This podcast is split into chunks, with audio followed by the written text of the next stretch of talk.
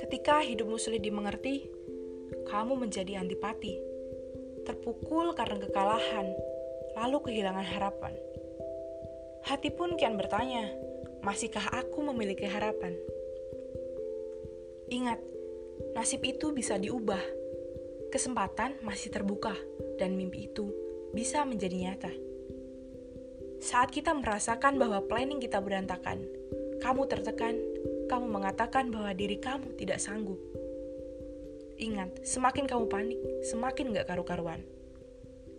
Ketika badai datang, tenangkanlah dirimu, maka badai akan berlalu. Dengan ketenangan, pikiran akan menjadi jernih. Lakukan yang terbaik sesuai kemampuanmu. Ingat, hasil akhir itu tergantung bagaimana kamu menyikapinya. Beban hidup yang berat sering kali membuat kita ingin menangis, bahkan ingin menyerah. Berjuang dalam meraih kesuksesan, air mata akan menjadi proses yang akan dilewati. Tapi percayalah, suatu saat akan menjadi mutiara yang sangat indah. Kita semua memiliki tantangan dalam hidup ini.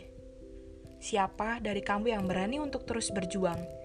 Siapa dari kamu yang berani terbentur, terbentur, terbentur hingga akhirnya kamu terbentuk? Siapa dari kamu berani bukan hanya menjadi seorang pemimpi, tapi menjadi seorang pemenang dalam hidup ini? Sukses itu harus diperjuangkan, dan hanya orang-orang yang sudah memantaskan dirinya yang pantas untuk menikmati kesuksesan. Selalu berkomitmenlah untuk memberikan 100%. Jalani hidup ini tanpa penyesalan. Ingat, kamu tidak perlu menjadi orang yang paling pintar, tetapi kamu harus menjadi orang yang paling tekun berusaha. Maka, kamu bisa mendapatkan segalanya. Semua itu tergantung kamu. Ada dua pilihan: give up atau get up.